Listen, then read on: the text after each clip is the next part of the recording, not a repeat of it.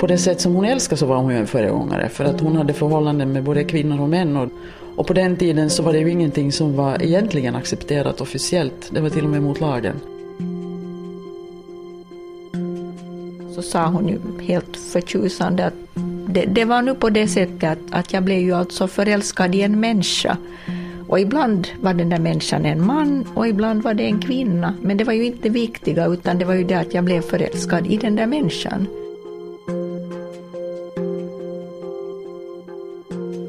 Penseln, pennan och hjärtat.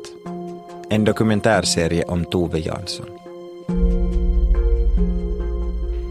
I det här avsnittet får du höra om hur Tove, som hon säger, går över till spöksidan och hittar en ny person i kärleken till en kvinna.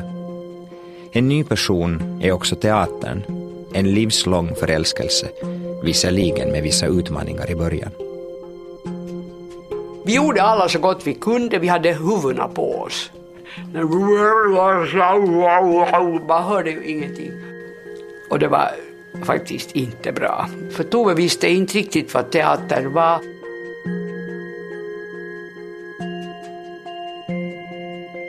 Avsnitt 4. Passion på teatern.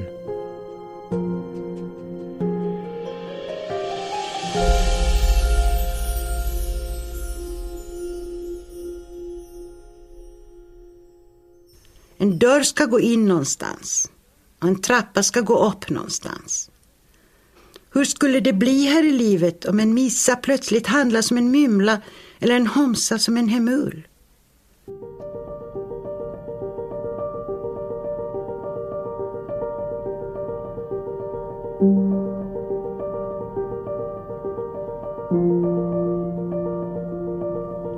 Här är storartat inte sant? Ett tornrum, högt i tak som en kyrka. Nära åtta meter i fyrkant med sex bågiga fönster och över dem små rektangelfönster, som ögonbryn uppe under taket. Murbrukshögar och remmor här och var för det är inte färdigpreparerat än efter bombningen och mitt i bråten ett staffli.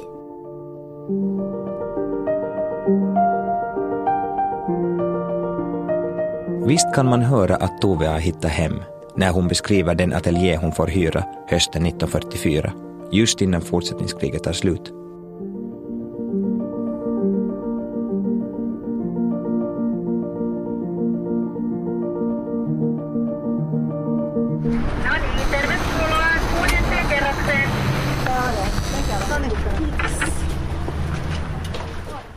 Toves brorsdotter Sofia Jansson brukar visa ateljén för ett tiotal lyckligt lottade grupper per år. Välkommen! Ja, häng av er här bara. Jag kan utan överdrift säga att det här har jag väntat på i 40 år. Rolf Söderqvist och Jenny Myrsell från Sverige har kommit till Helsingfors enkom för att besöka ateljén. Vi skulle ha rest hit från världens ände. Så att när vi fick reda på att vi hade möjlighet att besöka ateljén då bara tog vi första flyget från Stockholm hit. Det är först på 60-talet som Tove har råd att renovera ateljén. Så i nästan 20 år bor och arbetar hon där utan dusch och badrum. Vintertid kan det bli väldigt kallt. Men när jag flyttade hit så var det bara två, tre grader på morgonen. Oj. Men, eh, men där inne i lilla rummet var det sju. Men nu är det ju annorlunda. Ja, det känns. I ett hemma hos-reportage från 1970 dricker Tove och teatervännerna Birgitta Ulfsson, Lasse Pöysti och Erna Tauro vin och äter charkuterier i ateljén, som vid det här laget är betydligt varmare. Är det inte lite omodernt med ateljé nu för tiden? Inte brukar ju folk ha ateljéer nu för tiden. Folk har inte råd Det har vi Ja, det, aldrig är bara, haft det är bara det att de inte bygger så mycket ateljéer. Och det, det är det de borde göra. Alltså varje gång de gör ett nytt hus så borde det avdelas ateljéer i vindsvåningen. Alltså automatiskt. Ja. Och och det finns en del men, men eh, det är väldigt sällan konstnärer som bor i dem. Utan det är folk som tycker det är roligt med snett tak och så donar det lite bohemiskt och har kuddar på golven. Så, och, och på det sättet så går de alla i harsk.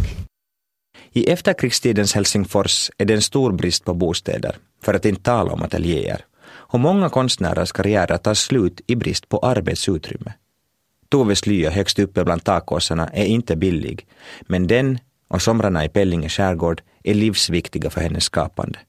Det går helt enkelt inte att tänka sig Tove utan dem, säger konsthistorikern Tuula Karjalainen. Se oli jo niin, siis tämä atelier niin oli niin osa hänen omaa persoonallisuutta, että ei itse asiassa en voi ajatella Tuvea ilman sitä ateljeeta. Ibland är det så knappt om pengar att Tove använder målningar som betalning för bränsle till ateljén eller tandläkarbesök. Men å andra sidan är Toves levnadsvanor enkla, berättar Sofia Jansson. Som, som jag redan nämnde så var Tove en, en rätt så liten kvinna, hon var ungefär 160 centimeter lång och vägde kanske 45 kilo och brydde sig inte så mycket om mat så länge hon hölls vid liv och, och det höll hon sig ofta med cigaretter och saltgurkor och vodka. Det var kanske hennes huvuddiet.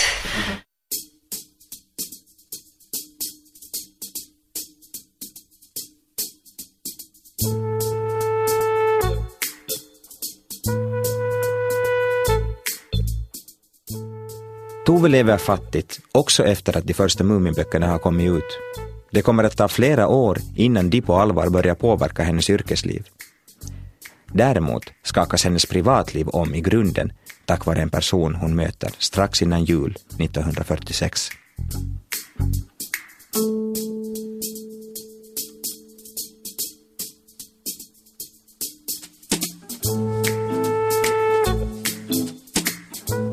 Det har hänt någonting som jag förstår att jag ska tala om för dig. Jag är så lycklig och glad och så befriad. Men nu har detta hänt mig, att jag har förälskat mig besinningslöst i en kvinna. Och det förefaller mig så absolut naturligt och äkta. Det finns ingenting alls av problem. Jag känner mig bara stolt och hejdlöst glad. Så skriver Tove till vännen Eva Konikov. Den kvinna Tove har förälskat sig i är Vivica Bandler. Hon kommer att bli en av sin tids största regissörer och kulturpersonligheter och en av de mest betydelsefulla människorna i Toves liv.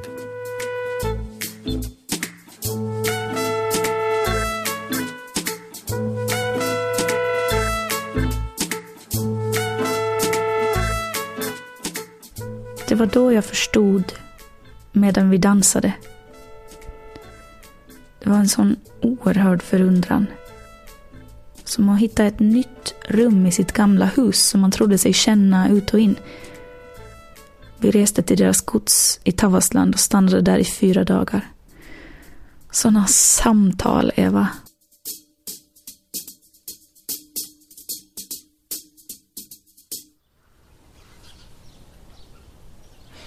Något av Tove och Vivica letar sig in i den tredje Muminboken, Trollkarlens hatt, när duon Tufslan och Vifslan introduceras.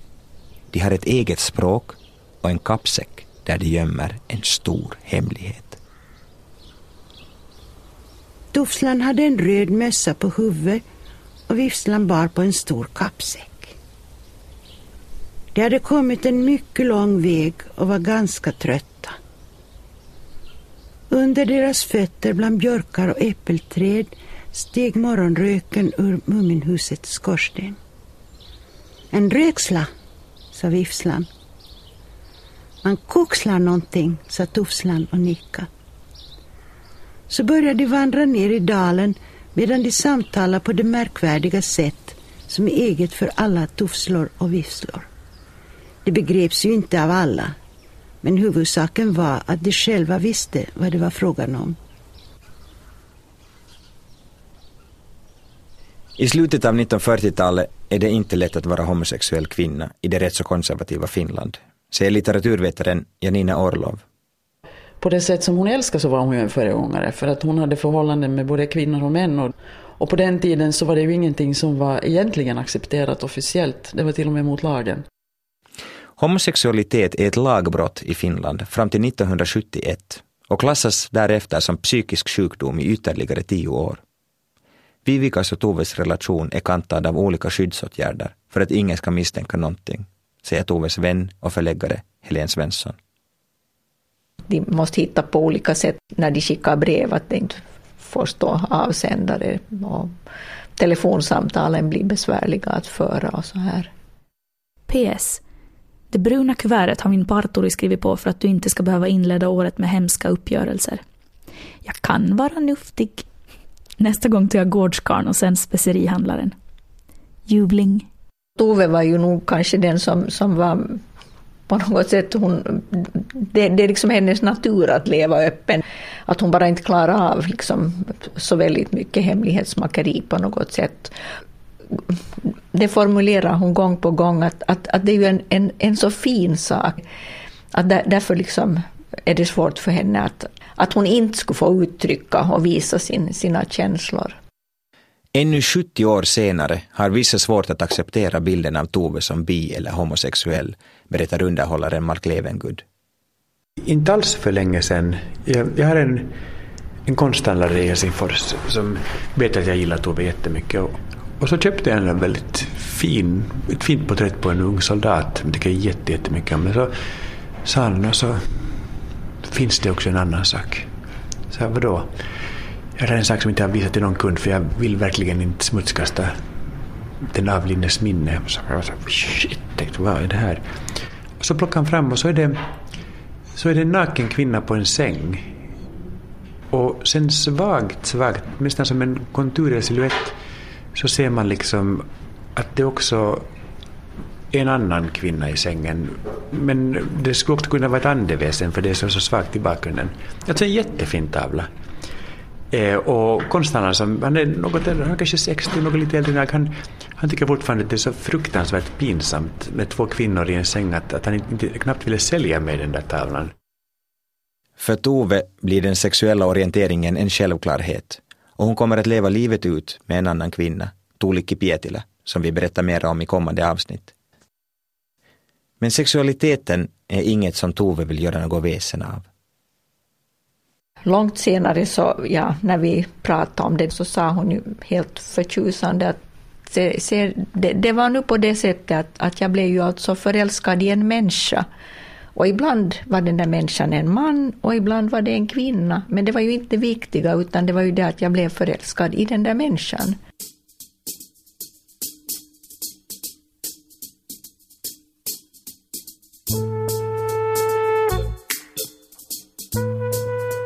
Det har aldrig hänt mig förr att ett stort, intressant arbete spelat mindre roll än min kärlek. Det känns underligt. Men kanske kan jag kombinera dem. Då borde din fader få en vacker vägg att titta på.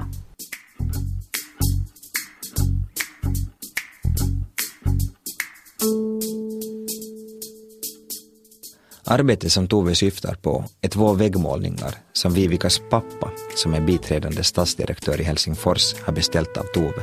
Det berättar amanuens Mikko Oranen vid Helsingfors konstmuseum, HAM. Vivika Pandlerin isä, niin, niin tilasi Tuuvelta tänne kaupungin kellariin koristemaalailua. Mutta Tuuve sitten äh, suunnitteli selkeästi niin kuin, äh, vahvemman kokonaisuuden, suuremman kokonaisuuden. Uppdraget är egentligen att göra någon form av mindre utsmyckning för restaurangen i stadshusets källare. Men Tove ser det som en chans att göra ett intryck och vill göra stora väggmålningar. Sam Vanni, joka oli tehnyt suuria teoksia, tiesi suurin piirtein, mitä ne vaatii tekijältään, sanoi Tuvelle, että hänellä on ihan liian vähän aikaa siihen. Ja sitten totesi, että Tuve on hullu. Hennes vän och mentor, konstnären Sam Vanni, menar att tiden inte kommer att räcka till och att Tove är galen, berättar Tuula Karjalainen. Ja Tuuvella oli kuusi kuukautta aikaa toteuttaa nämä freskot, eli hän todella nopeassa ajassa ne teki. Tove arbetar frenetiskt och färdigställer de enorma verken som båda är två meter höga och fem meter långa på sex månader.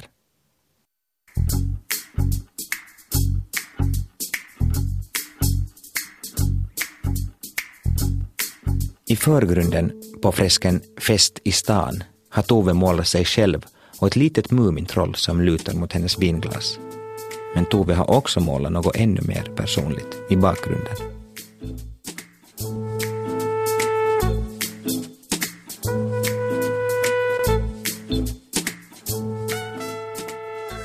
Nehän on kaksi rakkauskertomusta nämä teokset. Hän oli syvästi rakastunut juuri silloin Vivika Pandleriin ja hän kuvasi siihen Vivikan tanssimassa sekin oli aika, aika rohkeata siis niin kuin kuvata tämä lesborakkautensa kohde siinä. Bakom Tove dansar en fullt igenkännbar Vivica Bandler med en man. Att avbilda målet för sin lesbiska kärlek är modigt gjort, menar Tuula Karjalainen, som ser freskerna som en kärleksförklaring.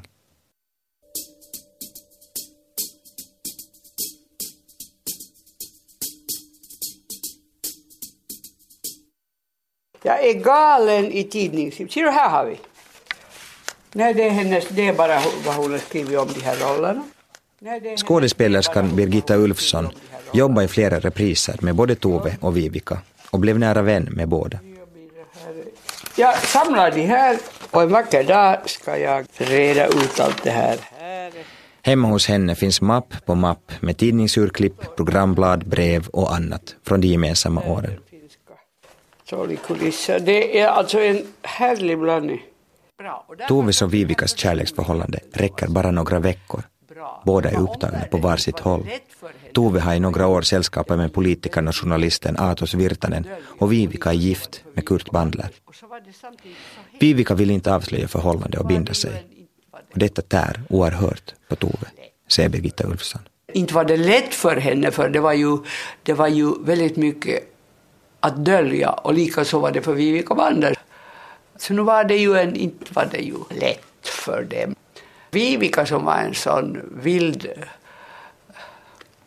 typ på allt sätt och, och, och en, en riktig Don Juan. Vivica skriver senare så här om förhållande och uppbrottet som kommer efter bara några veckor. Tove och jag träffades när vi var 30. Hon gav mig mode att bli konstnär och jag gav henne mode att utvecklas som människa. Det är som att vara hungrig ett helt liv och sen plötsligt få efterrätt. Bara efterrätt. För första gången fick jag mer än jag kunde ge tillbaka. Och det klarade jag inte.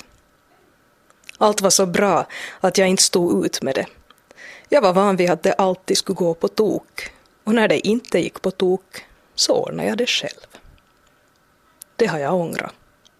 Inte hela livet, men halva.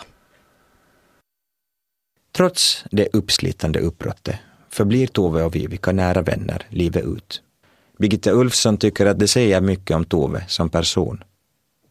Hela, hela kärleksroddan blev ju så bra att det blev ett sånt fint samspel hela tiden. Alltså de hade ju stor respekt och, och samarbete, det, det, det var ju Absolut, det fanns inte några konflikter. Att om vi var krångliga så höll de ihop, absolut. Och det, det har jag ofta, jag, jag har ofta tänkt att jag tycker att så ska det vara. Att har man tyckt om en människa så ska man inte förminska vänskapen bara för att man går åt olika håll och är vem som nu kränker vem är ju inte så himla viktigt, tycker jag. Vivica öppnar en helt ny, magisk värld för Tove. Teatern.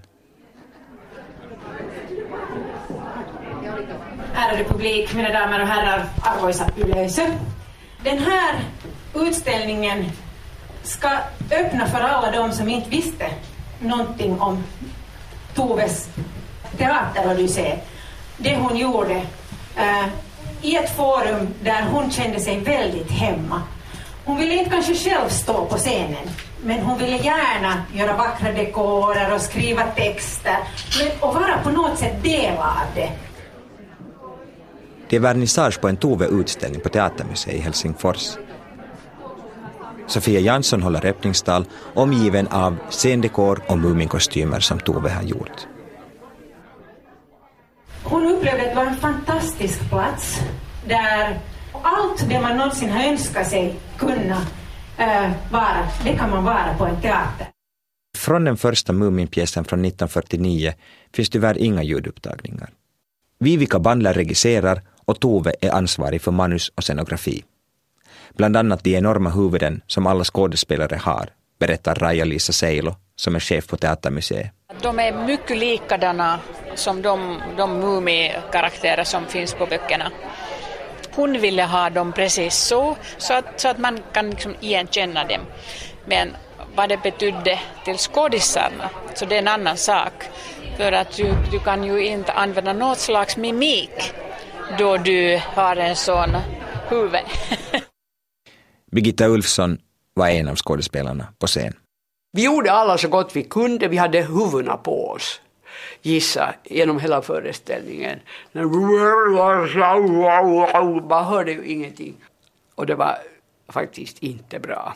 Varken manus, för Tove visste inte riktigt vad teater var och Svenska Teatern var nu sådär bara man skulle ha en eh, teaterpjäs vid jul och Topelius var nu redan genomtröskad.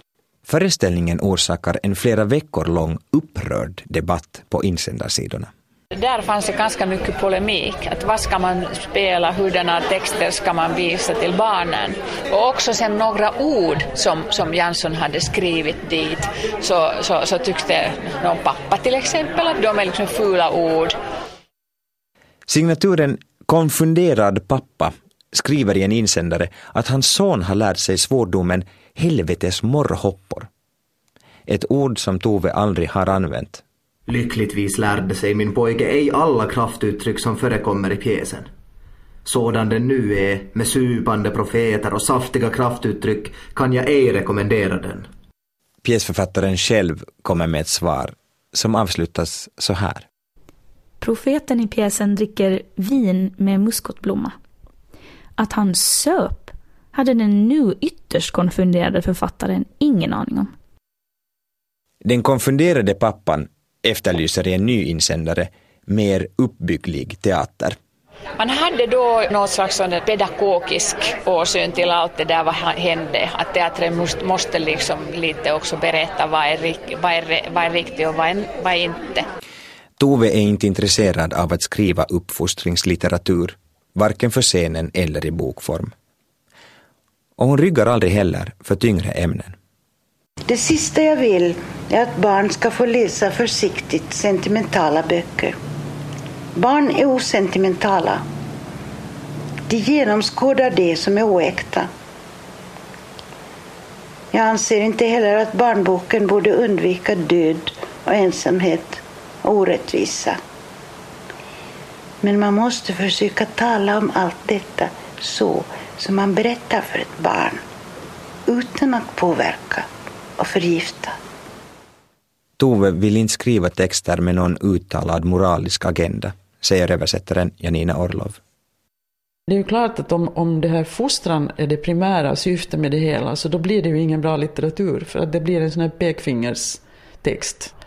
Så att det där synen på det här pedagogik och det här fostran, nej, det är nog främmande. Och ändå finns det ju där. Alltså, det finns ju, vi får själva ta ställning till det som vi läser vad, vad vi anser vara rätt och fel. Skafferiet, utbrast Emma. Skafferiet! Ni som tror att sufflörluckan är ett skafferi. Ni som tror att scenen är salongen och att kulisserna är tavlor. Ridån är en gardin och rekvisitan en farbror. Hon blev alldeles röd i ansiktet och nosen skrynklades ända upp i pannan. När Tove en gång har gläntat på teaterns röda sammetsridå vill hon inte stänga den igen. I den femte Muminboken Farlig midsommar som utkommer 1954 låter hon Muminfamiljen rädda sig upp på en flytande teater under en översvämning. Teaterråttan Emma får förklara teaterns hemligheter för den oinvigda Muminfamiljen. Jag är glad, skrek hon. Jag är glad att scenmästare Filifjonk, må han vila i frid, inte kan se er. Ni vet ingenting om teater. Mindre än ingenting. Inte ens skuggan av ett ingenting. Tove älskar de möjligheter att gestalta olika världar som teatern ger, säger litteraturprofessor Boel Westin. Hon verkade fascinerad från början av det här att, vara, att allting på något sätt var möjligt. Det var liksom illusionernas värld. Det är det som hon skriver om i i Farlig midsommar också när Mumifamiljen bosätter sig på en teater ofrivilligt. Men också att man att de bor på en teaterscen. Och det är ju en gammalt, gammal idé från Shakespeare och det är Shakespeare hon, hon eh, så att säga, arbetar med som en sorts litterär parallell i Farlig midsommar. Men vi sa ju att vi båda ville dö i slutet, sa Mimlans dotter. Varför ska bara hon bli uppäten av lejonet?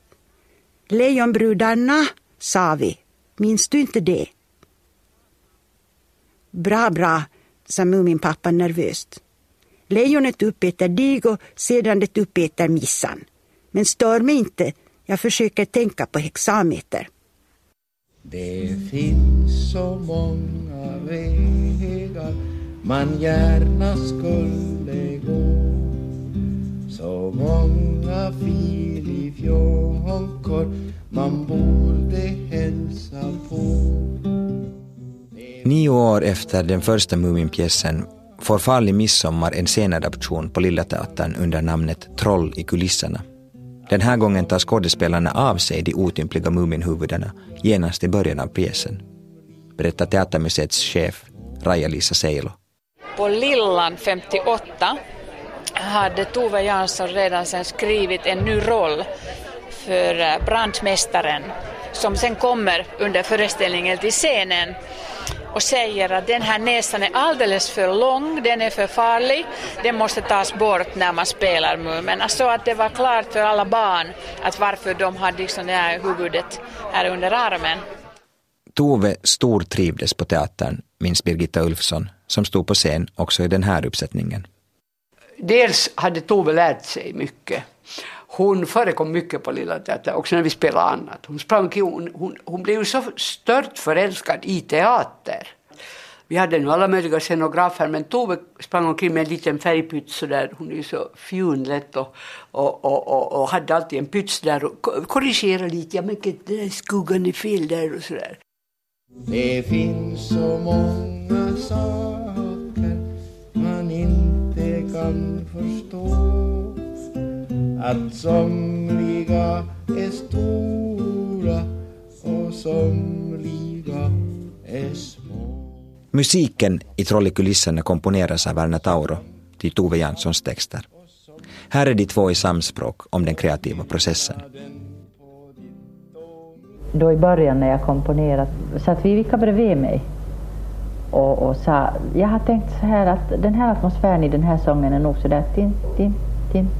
Och, det, och så spelade jag och skrev ner musik frågade är det så här du menar? Ibland var det så, ibland var det lite åt sidan men för det mesta stämde det. Så vi lärde oss ett sådant gemensamt språk. Jo, men det är alldeles sant. Ja. Jag kommer ihåg en gång du berättade för mig att det var fråga om den här slutsången, inte sant? Och då hade skrivit någonting och hon sa nej, inte på det sättet utan det ska vara som en viskning. Ja, just det. Du vet? Ja, precis. Och så blir det ta-da-da, ta-da-da. Ja. Så här. ja.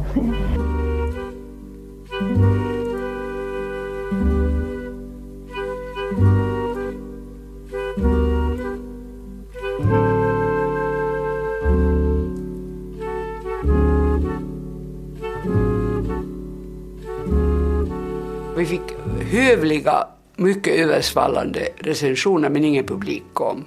För att va, ja, va, Mumin, ja, barnpie, va. Mm. Men Vivica hade den här, den ska vi ha till Sverige. Att hon hade den idén att, att att sen far vi med den till Sverige och då blir finlandssvenskan rumsren, vilket den inte var alls. Det var något som katten hade släppt in på mattan. Det var eh, provinsmål. Så här berättar Vivica om sin språkstrategi. Mä ajattelin, että kun on ton näköinen, niin voi vaikka puhua suomenruotsia ja niin hyväksyivät ruotsalaiset tätä periaatetta. Ser man ut som ett Mumintroll kan man väl lika gärna tala finlandssvenska, resonerar Vivica. Och strategin bär frukt. Tack vare pjäsen och senare den svenska tv-serien om Mumintrollen blir finlandssvenskan känd i Sverige, ofta som just Muminsvenskan. Som chef för Stockholms stadsteater flera år senare ringde Vivica upp en skådespelare vars barn svarade i telefonen. Niin mä kuulin pienen äänen, joka sanoi, isä, isä, siellä on Muuminpeikko puhelimessa. Pappa, pappa, det är Mumintroll i telefonen, ropade överraskade barnet. Jag är ett mumintroll som tror att världen kanske är för stor för mig. Och över en natt var det underbart. Geniförklarad Tove Jansson, geniförklarad Vivica Band. Vi var geniförklarade och finlandssvenska var Nordens vackraste scenspråk. Så där snabbt kan det gå i Sverige. Pjäsen visas också i Oslo och då får Tove själv ställa sig på scen. Tove var med där då, men då hade vi inte råd, teatern hade inte råd lejonet som finns i slutet som kommer in för att det ska vara lite, så att lejonets bakdel hade vi inte, vi hade eh, vår eh, scenmänniska, eh, scenmästaren var med och han var, han var mm, Lenons framdel. Jag vill vara lejonets bakdel, sa Tove och det tyckte vi var helt underbart. Så att under det där bruna skynket så jag håller honom om midjan nu, jag vet. Och så höll hon och så var hon då bakbenen och så var det sådär. Men Toves, hon blev så exalterad så när, när lejonets framben gick åt vänster så tog vi bara trippa åt höger. Så att, så att det var liksom, det var, det var, det var, det var ett lejon som vek sig i 90 graders vinkel och ibland var det si och ibland var det så. Och sen i tackningarna sen så, så står då alla där och då rusiga av lycka så står Tove och, och, tar av sig skynket och där står författarinnan. Det var helt ljuvt.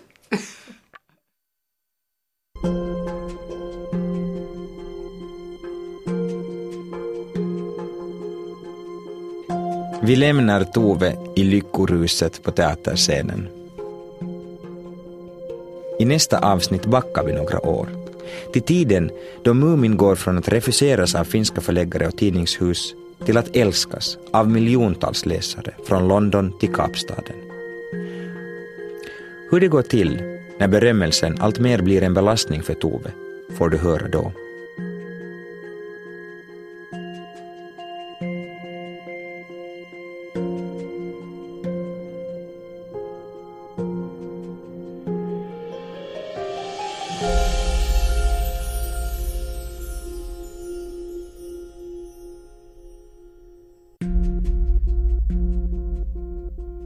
Har lyssnat på det fjärde avsnittet i serien Penseln, pennan och hjärtat.